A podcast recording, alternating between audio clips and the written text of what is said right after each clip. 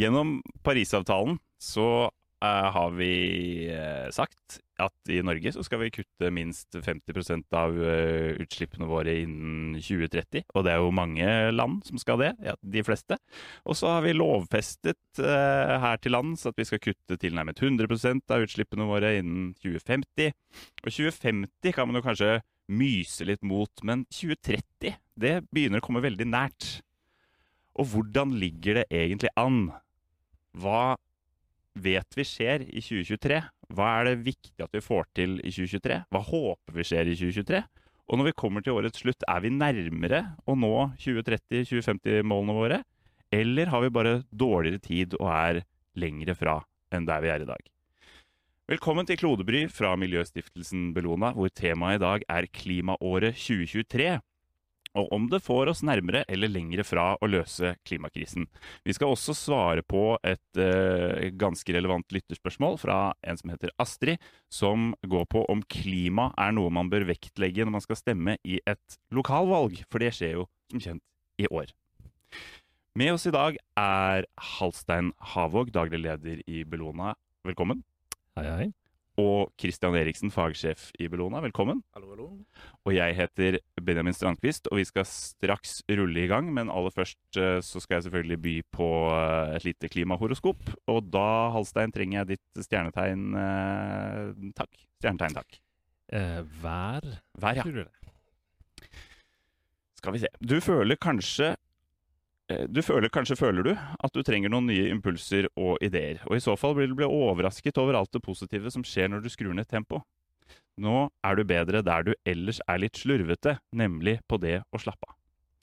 Du chit-chatter med daglig leder på Kiwi der du bor, og distraherer han såpass mye at han feilbestiller 14 paller med bacon crisp, som fører til helt unødvendig matsvinn. Det tror jeg er spot on. Og så tenker jeg, hvis det kommer 14 paller med bacon crisp på min nærmeste Kiwi Det er ikke sikkert det blir matsvinn av det, altså. Ok. Mm. Eh, Christian, stjernetegn? Krepsen. Krepsen. Endringer du har tenkt på, kan du med fordel ta initiativ til å sette i gang med i dag. Stjernene indikerer at du kanskje må bevege deg raskt når du først setter i gang.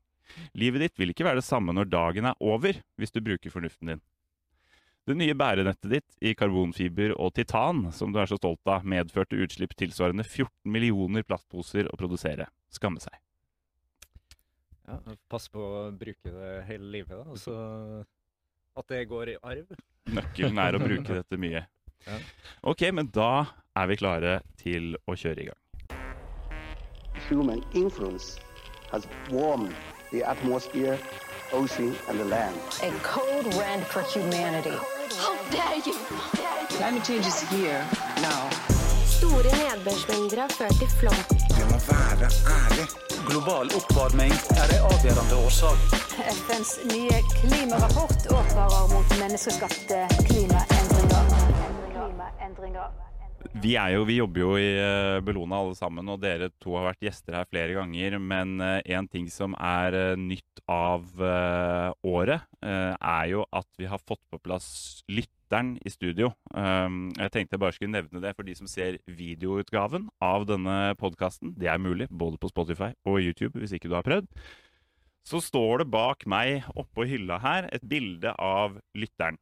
Vi har, sist jeg sjekka, mer enn én person.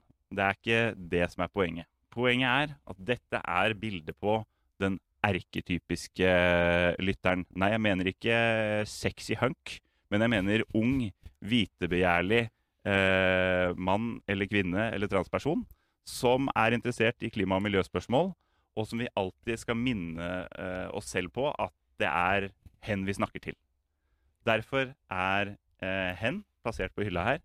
Hen heter i virkeligheten eh, Eh, Henrik og er en fotograf som vi hadde med oss da vi kjørte elbil til Glasgow eh, klimatoppmøtet i 2022. Mm. Men eh, sa seg villig til å ta et rykende flott portrettbilde av seg selv, og er nå altså portrettert og evig avbildet i studio. Så det som kommer til å skje her, da, er hvis noen beveger seg litt for langt ut på viddene, bruker litt for mye forkortelser, snakker litt for komplisert, så kommer jeg til å henvise til lytteren ved å peke på vedkommende. Vedkommende Nå skjønner ikke vedkommende hva du snakker om, betyr det. Mm. Ja. Mm. Grei påminnelse. Og veldig, veldig oppdragende også, føler jeg. Jeg tenker jo, Det er jo ikke valgt helt tilfeldig å på en måte trekke inn dette som et poeng, når da eh, jeg som daglig leder og Kristian som fagsjef sitter i studio og har en tendens til å geeke ut ganske mye, vil jeg tro. Så point well made. Vi skal prøve å ta hensyn til publikum og hva de eh, ønsker å høre. Og de ser naturlig skeptiske ut i utgangspunktet, så det er sikkert, Mm. sikkert et riktig utgangspunkt for oss. Veldig bra. Så dette kommer til å være ganske sneaky. Hvis du bare hører på lydutgaven av podden, så er det ikke sikkert du får det med deg. Men hvis du ser på video, så kan det hende du ser en liten pekefinger som beveger seg opp mot fjeset til lytteren hvis det blir litt for komplisert. Og da vil sannsynligvis, eller forhåpentligvis, da samtalen ta en dreining mot det mer lettfattelige. Som skjer i parallell med at øynene til eh, Benjamin som glasser over litt forsiktig. Yep. hvis det er et Det eller annet dugger for brilleglassene her. Mm. Ok, dagens tema. Um, jeg jeg syns nesten vi må begynne med å, å liksom minne om hva det er vi skal oppnå. Når vi sier at vi skal redusere klimagassutslippene våre med minst 50% innen 2030. Sammenligna med hva da? Uh, hva, hva gjelder det? Mm. Du, eh, vil, skal jeg ta den, eller vil du? Nei, jeg må, må gjerne gjøre det. Veldig Jeg håper begge to vet svaret. Bare sånn den er. Jeg bare sier det for å kjøpe meg litt tid. Det som, eh, det som er liksom hovedmålet her, det handler om den globale temperaturen. Altså gjennomsnittstemperaturen på jordkloda. ikke sant? Og, det er et, eh, og der har vi nå en eh, avtale som sier at vi skal eh, begrense menneskeskapt global, global oppvarming, som det heter. Basically oppvarming av jordkloden, Som vi påvirker til maksimalt to grader. Og jobbe for at det skal komme ikke høyere enn 1,5 grad. Og det er snakk om gjennomsnittstemperaturen på jordkloden sammenlignet med førindustriell tid. Og gjelder det da alle utslipp fra alle utslippskilder som vi har i Norge, f.eks.?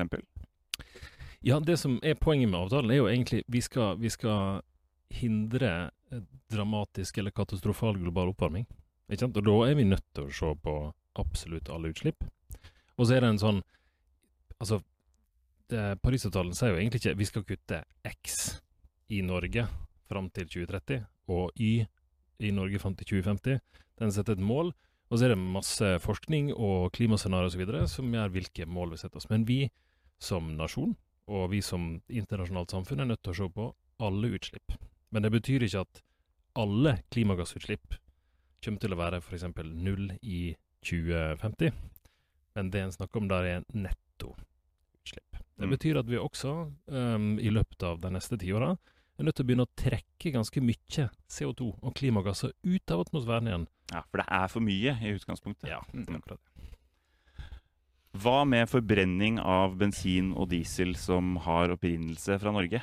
Går det på vårt eh, regnskap? Nei, det gjør det jo ikke. Nei.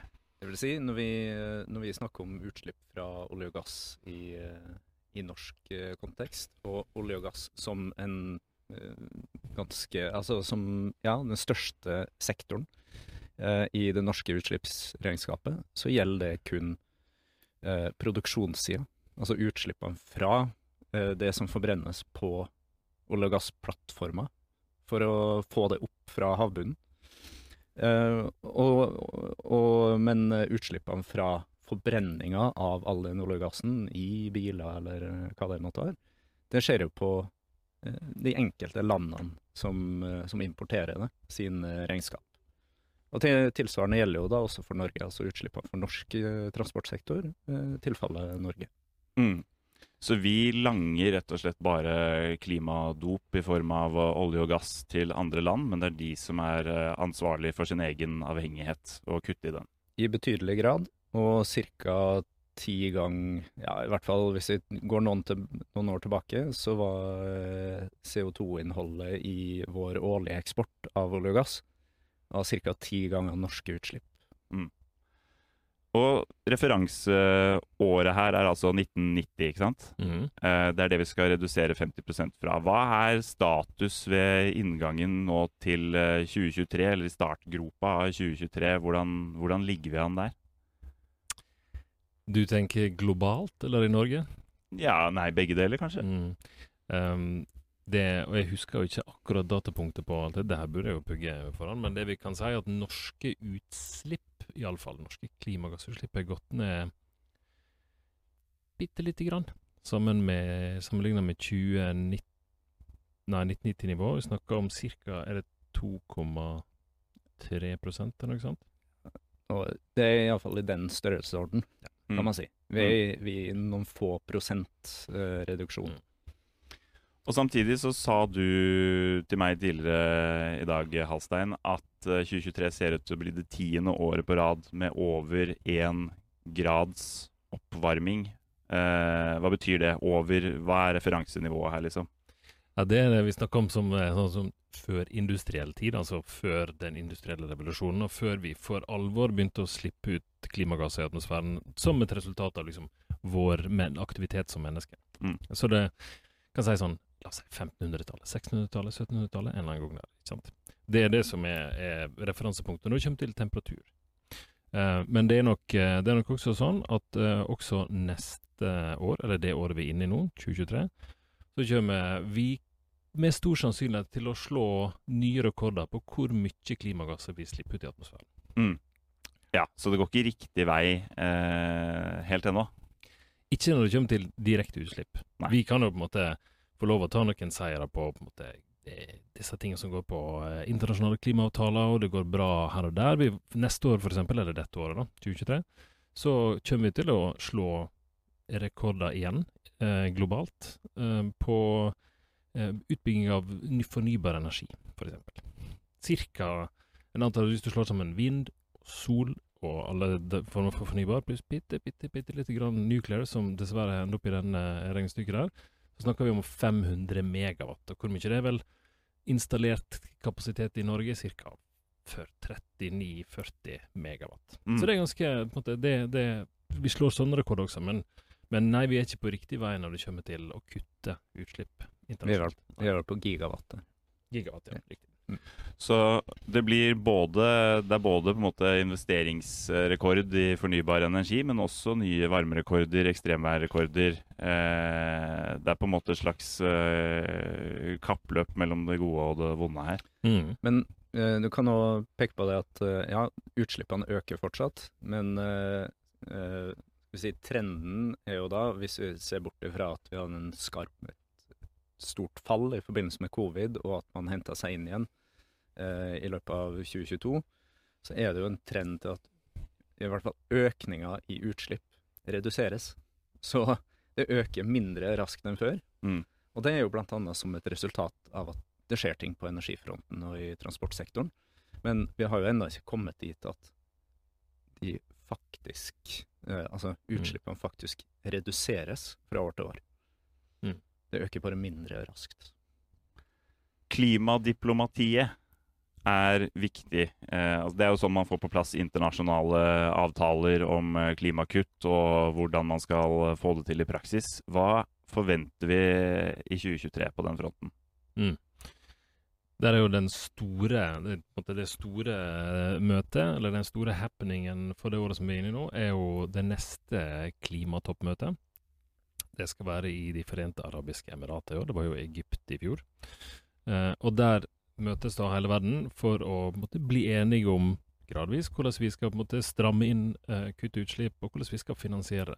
Og det er nok det viktigste som står på, på måte, alles to do-liste eh, for klimatoppmøtet i år. Det er eh, å komme på plass med detaljene rundt hvordan vi skal finansiere det. Ikke sant? Fjoråret var ganske skuffende. Klimatoppmøtet i Egypt var ganske skuffende. Fikk plass én stor ting.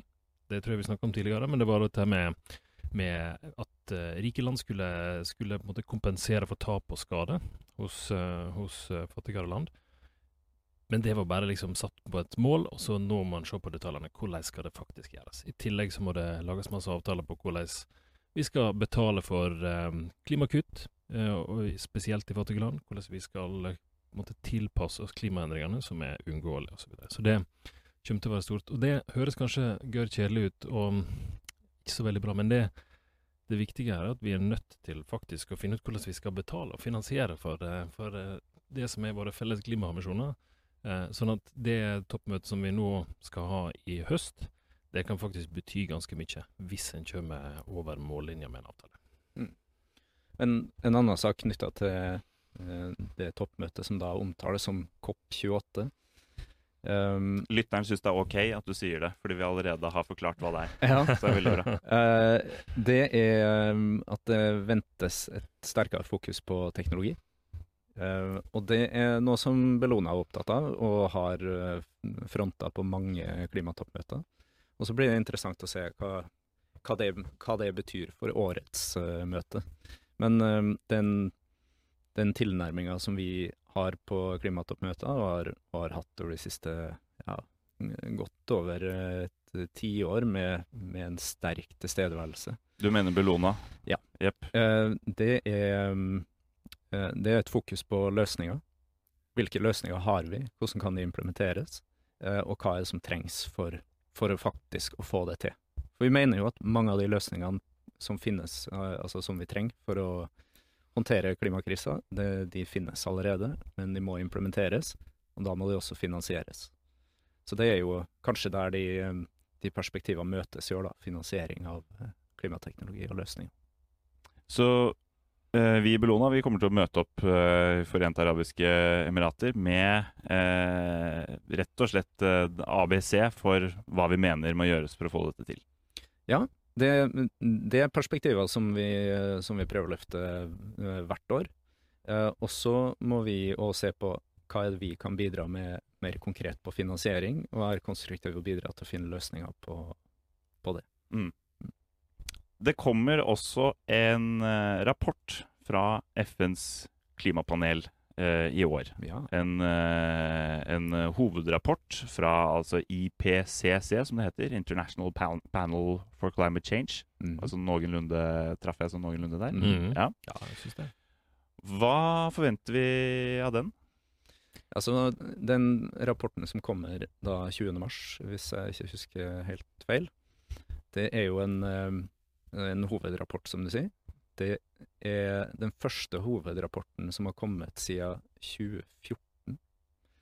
Så det er altså Vi må åtte år tilbake for, for den siste. Men det kom altså en i fjor. Eh, en rapport i fjor. i fjor. Det kom to i fjor. Mm. Så det, er, det kommer små avtaler mellom de store avtalene. Bare sånn folk eh, forstår Ja. forskjellen her. Altså det er på en måte det som har kommet da mellom 2014 og nå, er på en måte singler, og så nå kommer det et nytt album. Ja, det, Mm. du kan kanskje si det sånn. Ja. Eh, for de er jo da delrapporter eh, som ser nærmere på spesifikke problemstillinger. I fjor så kom det to eh, delrapporter. Den ene handla om klimaendringer og, eh, og land. Altså eh, um, ja, sammenhengen med på en måte landareal. Mm Eh, den andre handla konkret om klimaløsninger og teknologier. Og så kom det en av høsten 2021 eh, som eh, vel handler mer om eh, Arktis og hav.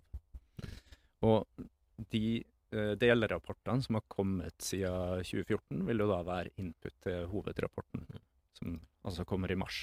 Og den setter eh, måte eh, Det er det, det store faglige grunnlagsdokumentet som eh, da er syntesen av forskninga over de siste årene, Mm. som da kan si noe om hvor står vi. Det tror jeg er et, et viktig poeng. Så Dette her er jo som sagt en sånn synteserapport. Og det er hundrevis av forskere som har sett på tusenvis, titusenvis av eh, forskningsrapporter fra de siste åra, og prøver prøve å sette sammen hva er det vi vet. Sånn, hva er det vi som som eh, sivilisasjon vet om, eh, om klimaendringer nå. Og så har jo egentlig veldig mye av Denne rapporten her skulle egentlig komme i fjor. Den skulle komme i september i fjor, egentlig. Og så ble den utsatt.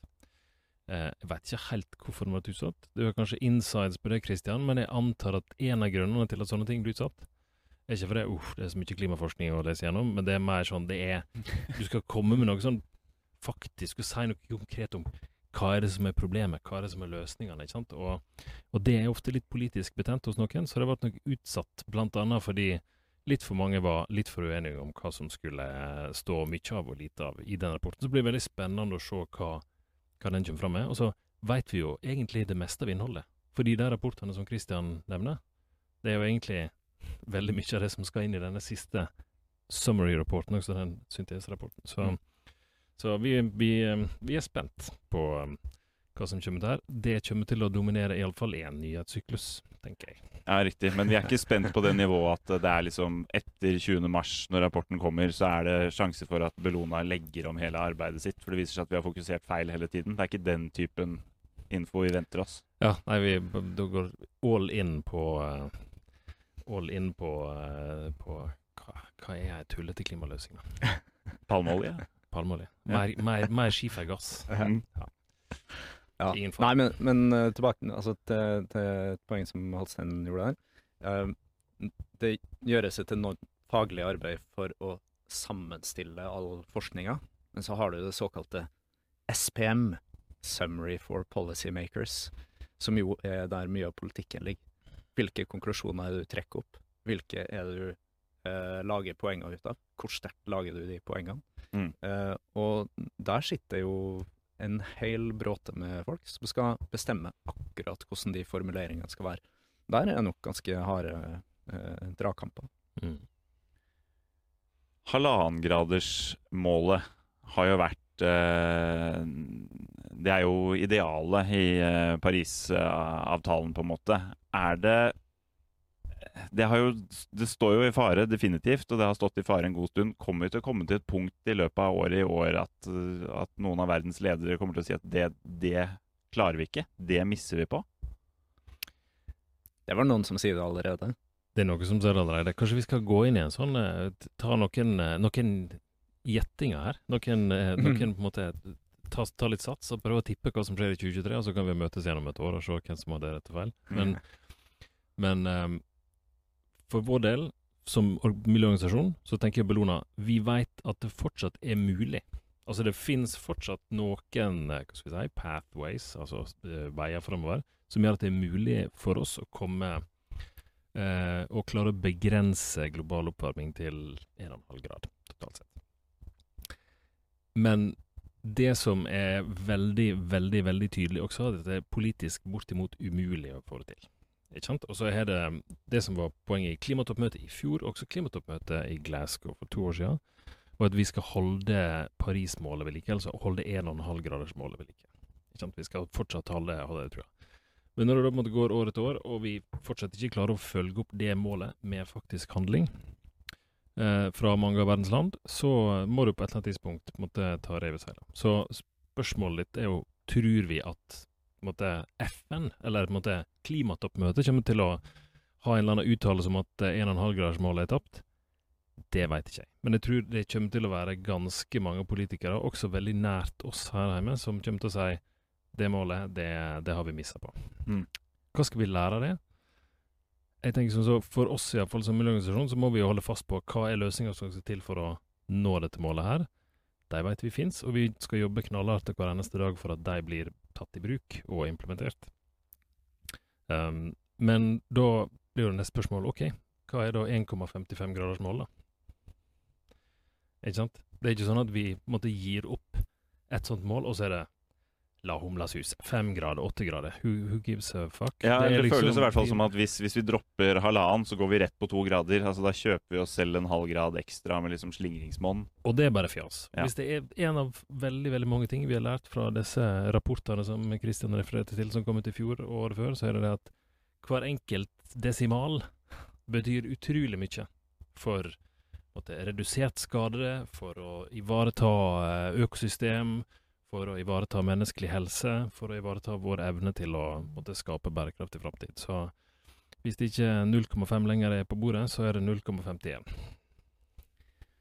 Ok, så eh, liten sånn deloppsummering så langt. Det er altså 2023 er et år hvor det settes rekorder i eh, utbygging av eh, fornybar energi. Det settes også nye temperaturrekorder og rekorder for ekstremvær. Vi får et eh, klimatoppmøte som blir veldig eh, viktig i år. Det er det hvert år, men nå må vi se frem til det neste. Det er det som er det viktigste nå. Så er det dette med halvannengradersmålet. Kommer Antonio Guterres til å si at det, det klarer vi ikke? Vi, vi håper ikke det. Neste punkt, og nå skal vi litt hjemover igjen. Blir kommunevalget et klimavalg?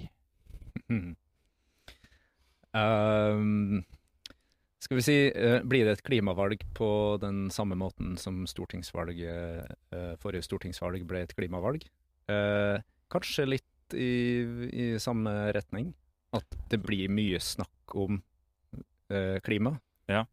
Men er klima den avgjørende faktoren for hva folk stemmer? Ja, for nå, nå peker jeg litt på lytteren her. Hva, hva var det som skjedde? Eh, det var, som du Mm. sier, det var mye snakk om klima, og så Ja. når alt kom til alt, så virker det ikke som at det var det som avgjorde hva folk stemte på. Nei. Nei. Det må man vel kunne si. Mm. Eh, I hvert fall eh, basert på oppslutningene til de partiene som tradisjonelt eh, omtales som miljøpartiene, så var det vel ikke spesielt sterkt klimavalg. Mm. Det var det ikke. Men, eh, men eh, det så jo veldig annerledes ut i forkant. Um, det, eh, det var jo enkelte debatter som primært handla om klima. Noe som var Altså virka helt uh, uh, det var, det var iallfall en radikal forskjell fra stortingsvalget fire år før, hvor man måtte hekta på en liten klimadiskusjon på, på slutten av en debatt. I, eh, I år så var det et dominerende tema. Bare komme inn på det også, så tror jeg det som, det som jo skjedde i stortingsvalget, um, var jo også at klima kom på agendaen så tidlig at alle partier fikk heve seg rundt og tenkt ok, vi må faktisk fram, vise fram den klimapolitikken, eller komme på en klimapolitikk for de partiene som ikke hadde, som ikke hadde den slags. Mm. Uh, og dermed så måtte, var de alle partier fikk liksom overbevist sine velgere om at ja da, vi har en klimapolitikk, og den er progressiv og aktiv og innenfor eh, alle mål og retninger, så du kan stemme på oss for det, og så kan du stemme på oss for alle andre ting du bryr deg om. Mm. Og så ble det da et uh, valg, som Kristian sier, som ikke var et veldig tungt på en måte, vekta mot disse tradisjonelle klimapartiene. Kommunevalgene er veldig annerledes. Så spørsmålet er jo liksom Bør kommunevalget bli et klimavalg? Mm. Um, det, er et, eh, det er et interessant spørsmål. Det som vi ser når vi jobber med kommuner vi, I og med at vi også har kontor i Oslo, så har vi jobba tett med Oslo kommune i mange år. Um, blant annet sammen for å måte, hjelpe dem til å Som vi gjorde for noen år siden, måte, gi dem input på sin klimaplan. Og Oslo har veldig ambisiøse klimamål. Um, og, det, og det vi ser både i Norge og globalt, er at hvis byer og hvis kommuner leder, leder an, så, så har en en mulighet til å også endre den nasjonale politiske debatten. Sånn at um, det, som, det som hadde vært håpet vårt, og som vi skal i jobbe for, er at vi setter klima på agendaen også lokalt. Fordi vi ser at det påvirker lokalt, og fordi det, det er veldig mye du kan gjøre også som kommune gjennom hvordan du kjøper inn tjenester og ting og tang, og dings og bomser. Hvordan du, du velger å måte, satse med tanke på, eh, på bruk av ressurser. Hvordan du måte, håndterer søppel og avfallet ditt, osv. Mm. Det er ganske, ganske viktig element ved det. Om det kommer til å være direkte klimavalg, jeg tror ikke det. En prediction, fra min side som det heter på nynorsk, er jo at dette kommunevalget her kommer til å handle annet veldig mye om energi og strøm strømpriser, og det ene med det andre. Og der er det jo for så vidt begrensa hva kommunene kan gjøre. Um, hvis du ikke har et uh, vann du plutselig kan regulere og sette i gang sjøl da, så er det ikke bare å sette i gang og bygge ut. Men, men at det blir en energidiskusjon i valgkampen. Skal vi ha vindmøller? Skal vi satse på, uh, på, på sol? Skal vi satse mer på vann? Skal vi bygge ut små, småkraft? Skal vi hvor mye skal kommunene bidra for å redusere energibruk i bygg, etc., etc.?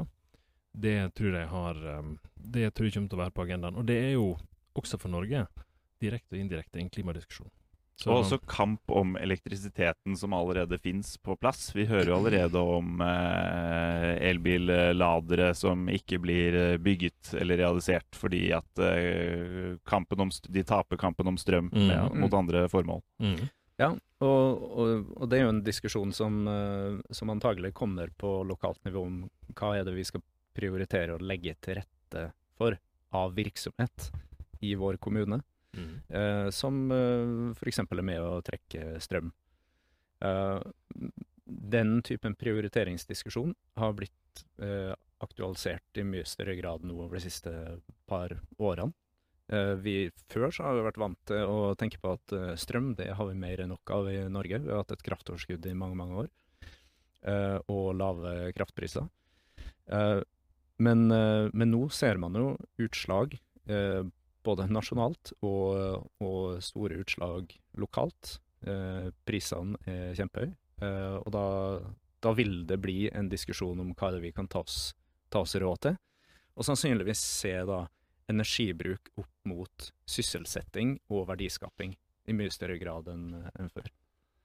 Vi skal komme litt tilbake til eh, kommunevalget helt på tampen av, eh, av dagens episode, også fordi vi har et eh, lytterspørsmål der. Så vi sparer resten av temaet til da. En siste ting her som jeg tenker blir viktig i 2023. Altså, i 2022 så fikk jo en naturavtale. En, uh, en, en avtale om å verne en tredjedel av, uh, av verden. Hva, hva, hva betyr det? Sånn veldig, veldig enkelt sagt. Kristian kan nok mer om dette her. Men ja, det, var en, det var, kom en naturavtale på plass i var det i Montreal? Eller Ja. var det, um, det på høsten? Eh, Etter klimatoppmøtet, faktisk. Som egentlig handler om hvor mye natur vi skal ha som mål å verne. Og det er jo et sentralt dilemma for Og her er jo heller ikke alle organisasjoner som eh, definerer seg som et eller annet innenfor klima- og miljøorganisasjoner, enige. Um, for eksempel Særlig da når det kommer til grad av naturvern, og hvor mye natur må vi tåle å ofre for å nå andre klimamål, f.eks. Mm. Mm. Eh, Det går litt tilbake igjen til den eh, tradisjonelle arbeidsdelinga i miljøbevegelsen, som man kanskje kan eh, eh, kalle det. At uh, vi, vi fokuserer på litt uh, ulike ting. Um, og der har du jo organisasjoner som er mer og mindre opptatt av det klassiske naturvernet. Eh, det står jo i så, Selv om Bellona har eh, i stor grad um, måtte flytta fokus til å jobbe med teknologiske løsninger på, eh, på klima- og miljøkampen, så står jo vern av natur, miljø og helse i vår formålsparagraf, eh, noe som vi, eh, som vi legger til grunn. Um, og eh, den, det som gjør den avtalen her interessant, er at det, det er laga en, en enighet om at man skal jobbe for et storstilt vern av natur. Og så må man jo følge opp den avtalen på samme måte som man måtte følge opp eh, Parisavtalen i 2015, med å konkretisere hva er det det reelt sett betyr. Hvordan skal det implementeres? Alle de mekanismene som må til for å få det til å funke. Uh, og, så det, det blir jo et arbeid som kommer til å gå over, de, uh, over en, uh, en god periode, for å konkretisere det.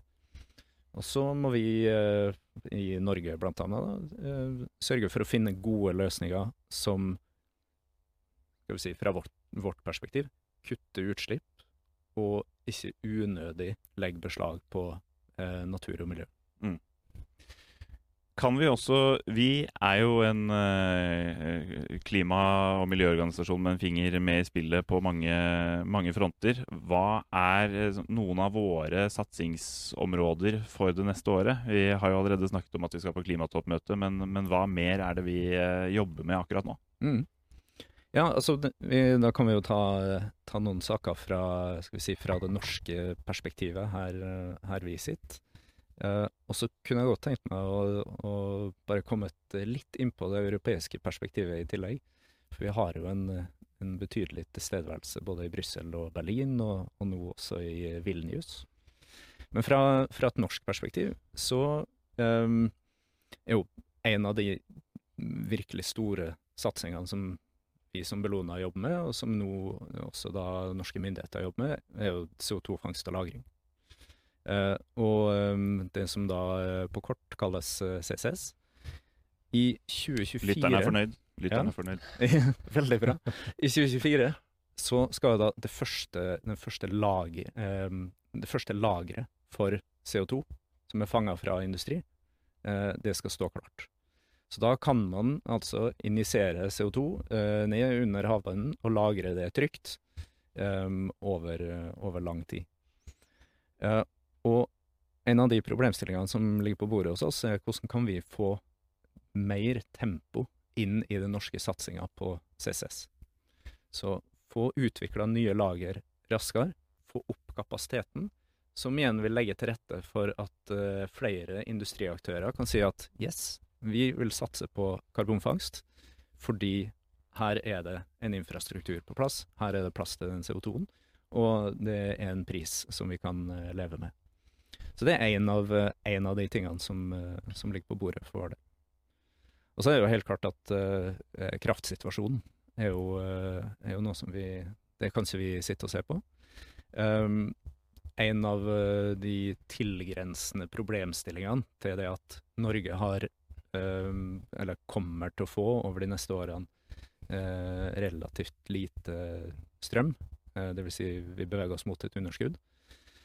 Um, en av de tilgrensende problemstillingene er hva gjør vi med olje- og gassektoren vår? Eh, per i dag så eh, ligger det masse prosjekter på bordet for å sende strøm ut til plattformene, sånn at de skal da kutte utslipp gjennom elektrifisering. Mm. Eh, der har vi forslag på bordet som vi jobber med, som også omfatter karbonfangst og -lagring. Så det er jo en, en diskusjon som vi forventer at det blir mer temperatur om, kan man vel si, i 2023. Et par ting til på den norske debatten som jeg også har lyst til å, lyst til å, å se mer av. Det er jo en av tingene som, Og det jobber vi med hele tida, men, men det som er et av de store målene for oss som organisasjon i år, det er jo at vi som nasjon, altså Norge, skal ha en skal komme tilbake på sporet til å oppnå sine egne klimaforpliktelser ikke sant? når det kommer til utslipp. Vi snakker om klima her. Vi kunne snakka om mange andre miljøsatser. Vi snakker om klima og det arbeidet vi gjør på klima. Vi hadde patetisk lave kutt på, eh, på norske klimautslipp i 2021. Um, så må vi se hva det endelige resultatet for fjoråret, 2022, var for noe. Disse tallene kommer jo ofte et sånn halvår eller et år etterpå, for en må legge sammen alle tallene. Men vi kutta nesten ingenting i 2021. Um, 0,3% var det, noe sånt. Um, det er veldig lite. Så det er Så det må, der må vi tilbake på sporet. Ganske store glefs hvert år framover. Mm. Og hvis det ikke storting og regjering, og for så vidt også næringslivet, kjenner sin besøkelsestid der, så, så, så er det dramatisk. slett. Det er ganske viktig. Og så tror jeg vi er nødt til å ja, Energidiskusjonen som, som Christian um, som Christian snakker om her, er jo veldig, veldig viktig og veldig interessant. Eh, norske husholdninger brukte 13% mindre strøm i fjor enn de gjorde i 2021. Det er det laveste strømforbruket i norske husholdninger siden 2014. Eh, og det er på grunn av, eh, av eh, strømprisen. Mm. Og fordi folk ble bevisst på det, og gjorde, gjorde bevisste valg. Men det har også vært vanskelig for mange. Så, så at vi skal få et, et, ordentlig løft på hvordan vi skal bygge ut mer kraft, og hvordan vi skal sørge for at vi sparer så mye som mulig, uten at det går på bekostning av, av private husholdninger og arbeidsplasser, er utrolig viktig. Um, ja. Og et siste poeng for meg, elektrifisering generelt, dette vet jo du også, Benjamin. Fortsatt bare 53 elektrifisert, dette samfunnet vårt. Så vi må få noen ordentlige løft her for å elektrifisere mer. Um, absolutt. Mm. Ja, og det, du, det som Halstein er inne på her i, i forbindelse med kraftdebatten, er jo den sosiale profilen, eller sosiale konsekvensen av det som foregår i, i verden og i, i, Europa akkurat nå. Uh, og det er noe som er kjempeviktig også i den større klimadiskusjonen. Hvordan vi skaper enda mer oppslutning rundt de gode klimatiltakene. Uh, hvordan vi får da uh, politikere med på å bruke mer penger og sette sterkere krav. og på den måten klare å flytte politikken noen, noen, steg fremover. Det er jo ja, det er sak, saker som også blir, blir, på en måte helt grunnleggende for oss å jobbe videre med i, i 2023. Går det an å få nevnt et par highlights fra våre europeiske tentakler eh, på en eller annen måte? Ja, eh, for eh, det er egentlig ganske spennende tider nå i, i EU-sammenheng. Sverige tar over formannskapet i, i EU. Um, nå, ja, gjorde vel det nå ved nyttår. De kommer til å ha mye å si, legge, legge, mange premisser for året for det arbeidet som gjøres i EU. Dette er også det siste fulle året for den sittende kommisjonen, altså skal vi kalle det regjeringa i EU-sammenheng. For de var valgt i 2019, sitter i fem år. I 2024 skal det være nye da, parlamentsvalg, og det innsettes en ny kommisjon. Så Um, um, altså EU-kommisjonspresidenten Ursula von der Leyen uh, og hennes uh, kabinett, de har jo da 2023 på seg til å få fullført mange av de prosessene som de satte i gang tilbake i 2019, hvor de lanserte det som vi har snakka om i mange år nå, altså EU sin Green Deal. Uh, og, og, da alt, all den politikken som har fulgt uh, det overordna perspektivet. Så her blir det, det blir mye å, å, henge fatt i fremover for, for Europakontoret, og også for våre nye kollegaer i, i Berlin. Um, som ja, Berlinkontoret ble jo etablert for Er det et år siden? Eller drøyt det? Mm. Ja. Um, med på en måte den idé at uh, Eller fordi vi jo ser det, at Tyskland spiller en så viktig rolle i EU. Uh, at der er vi nødt til å være til stede og være med å påvirke den, den politikken og de forutsetningene som legges fra, fra tysk side også. Mm. Og så har vi også da et, eh, et nystartet uh, Vilnius-kontor som bl.a. følger med på klima- og miljømessige konsekvenser av krig i Ukraina. Så det er mm. relativt bredt spekter av ting som vi holder på med å følge med på. Mm. Mm. Ja, og den uh, gjengen i, i, Vilnius de har jo tatt et utrolig modig valg, må man jo kunne si. Altså, og dratt fra det livet som de, som de hadde i i Russland. Har nå etablert seg ved et nytt kontor, et, eh, et nytt liv i, i, Vilnius, og kommer til å jobbe med en del av de, de samme problemstillingene som de jobba med innafor Russland. Eh, men med da den, eh, den, krigen som pågår, og de konsekvensene som vi kommer til å se av den, så, så er det også mange nye problemstillinger som vi må Eller nye områder og områder å anvende um, den kunnskapen og den erfaringa som de sitter på. Mm.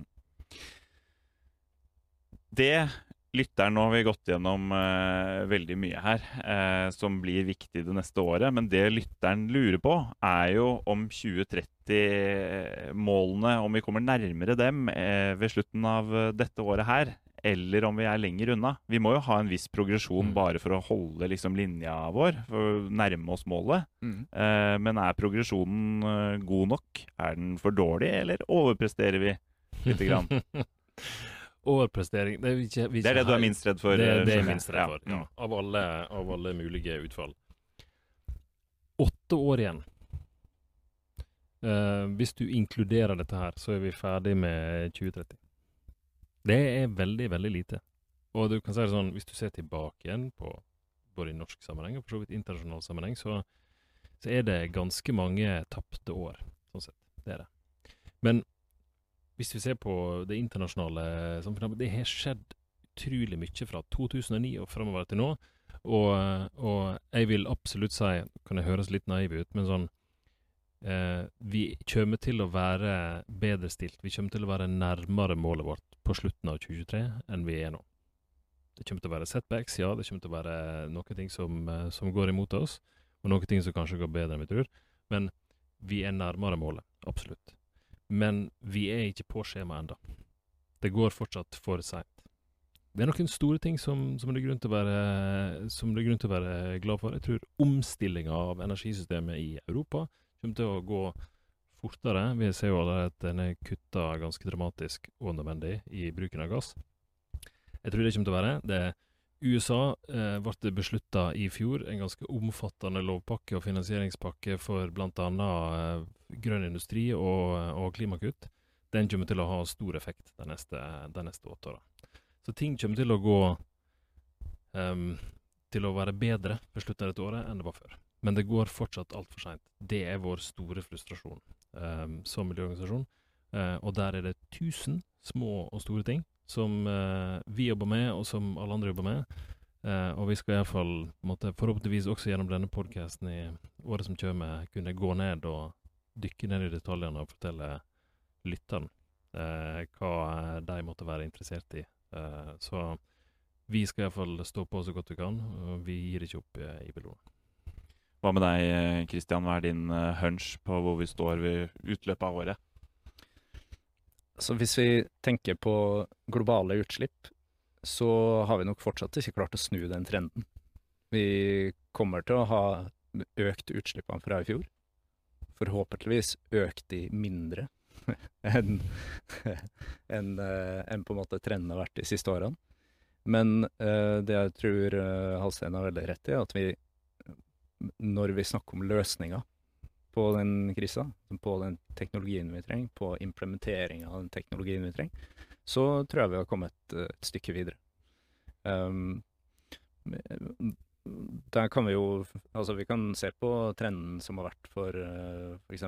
få ned kostnaden på sol og batterier over, uh, over mange år. Uh, de har falt dramatisk. Uh, og så må vi jo håpe at vi begynner å se tilsvarende da, på, på andre typer klimateknologier, som fangst og lagring av CO2 f.eks. Det er, det er helt, helt avgjørende at vi får til. Så for å forsøke å oppsummere, altså Vi ser en nedgang i økning. Og det er jo mulig å få det til å høres ut som noe positivt. Eh, men vi skulle helst hatt eh, enda mer effekt og virkning av uh, ulike tiltak enn som så. Vi skulle gjerne hatt faktiske reduserte utslipp. Ja. ja. Men det tror jeg ikke vi oppnår i 2023. Eh, derimot så kommer vi et stykke lenger på de, de tingene som faktisk må til for å redusere de utslippene. Men syns altså tross alt at det er en, en viss mild optimisme å spore her, da? Tja. Vi, eh, vi skal iallfall gjøre, gjøre det vi kan. Det nytter iallfall ikke å gi opp. Da, da, eh, da, er vi Da kommer vi inn. Bra. Og da skal vi straks tilbake til kommunevalget for å oppsummere. Store nedbørsmengder har ført til flom. Vi må være ærlig. Global oppvarming er en avgjørende årsak. FNs nye klimarapport advarer mot menneskeskapte klimaendringer. Lytteren Astrid har sendt inn et spørsmål eh, som går som følger. Det er lokalvalg eh, i år, og jeg er litt delt. For det handler jo gjerne mye om hvilken person man har tro på, og enkeltsaker som deler lokalsamfunnet. Samtidig så vil jeg jo gjerne stemme klimavennlig, men har det så mye å si på lokalplan? Kan jeg stemme lokalt uten å tenke så mye globalt? Dette har vi allerede snakket om, men i, i mange eh, kommuner så er det jo gjerne sånn at eh, splittelsen i lokalvalget står mellom skal vi ha ny asfalt eh, eller skal vi ha ny svømmehall. Eh, vi må velge mellom de to. Eh, klima er liksom ikke en veldig het potet, så hvem som har det beste klimaprogrammet er på en måte ikke så vesentlig, eller? Det som òg er litt finurlig med, med, politikken på lokalt plan, er jo at du ser helt andre konstellasjoner og samarbeidsformer og, eh, og utslag av politikken enn eh, en det man måte, normalt ser på, på nasjonalt nivå. Så, eh, så, det er litt annerledes, er det definitivt. Mitt sånn overordna utgangspunkt vil jo være at stemmen din er noe av Altså det å bruke, eh, bruke den, det er noe av det viktigste en enkeltperson kan gjøre. Um, og det å stemme på et miljøparti eh, er jo et, eh, altså et tydelig signal om hva man ønsker seg eh, totalt sett. Man kan jo eh, refereres jo gjerne til altså Kommunevalg brukes jo som indikasjoner også på hva befolkninga generelt sett har uh, trua på. Og du sier ikke nå uh, nødvendigvis stem på det miljøpartiet som heter noe med miljøparti. Uh, det, hva som er et godt miljøparti, kan være forskjellig fra case er. Det er flere partier som omtaler seg sjøl som miljøparti. Ja, nemlig. Eller som iallfall tradisjonelt Bare sånn at ikke dette ble forstått som en shout-out til Miljøpartiet De Grønne her. Nei da. Nei, det får, det får, jo folk ta, ta stilling til, da, hvem de syns har, har den beste miljøprofilen. Um, men at det har en viss betydning, det, det har det mm. absolutt, vil jeg si. Det er to, uh, to, ting som jeg vil, uh, jeg vil, si til Astrid, var det? Astrid. Uh, i, i, den, I, den, sammenhengen her. Det første er jo at du skal, du skal på en måte aldri, aldri tenke at det ikke nytter. Det, ja, det, det, din kommune er kanskje liten, det er ikke en så stor del av våre samla utslipp, og det er ikke alt som kommunen styrer over. Men, men vi, skal, vi skal kutte globale utslipp, og for å gjøre det, så er vi nødt til å kutte, kutte norske utslipp. Og skal vi kutte norske utslipp, hva, hva består Norge av? Ja, det består av en rekke kommuner.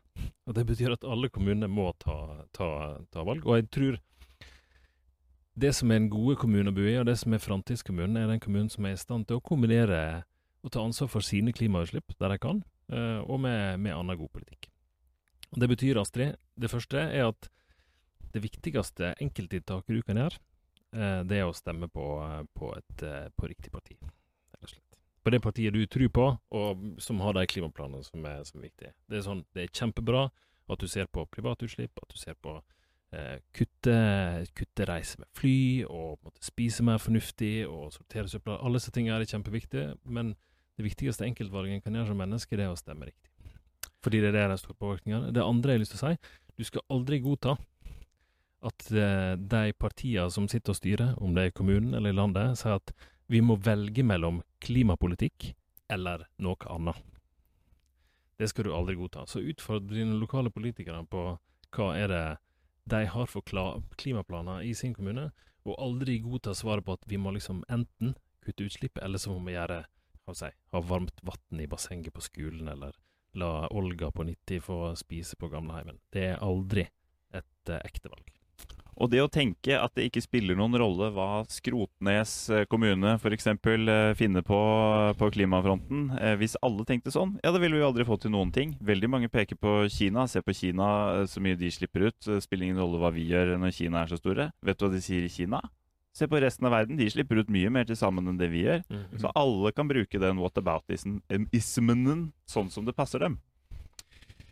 Nå er det blitt på tide å runde av for denne gang. Du har hørt en episode av Klodebry, en podkast fra Bellona. I hvert program så tar vi for oss et eller annet som kan bidra til å redde planeten.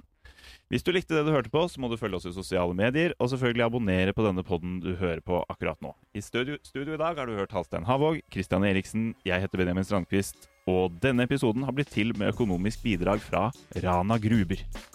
Vi vil gjerne ha dine tilbakemeldinger og spørsmål. Hva tror du om klimaåret 2023? Hva håper du på? Hva er du redd for, f.eks.? Send det gjerne til klodebry at bellona.no.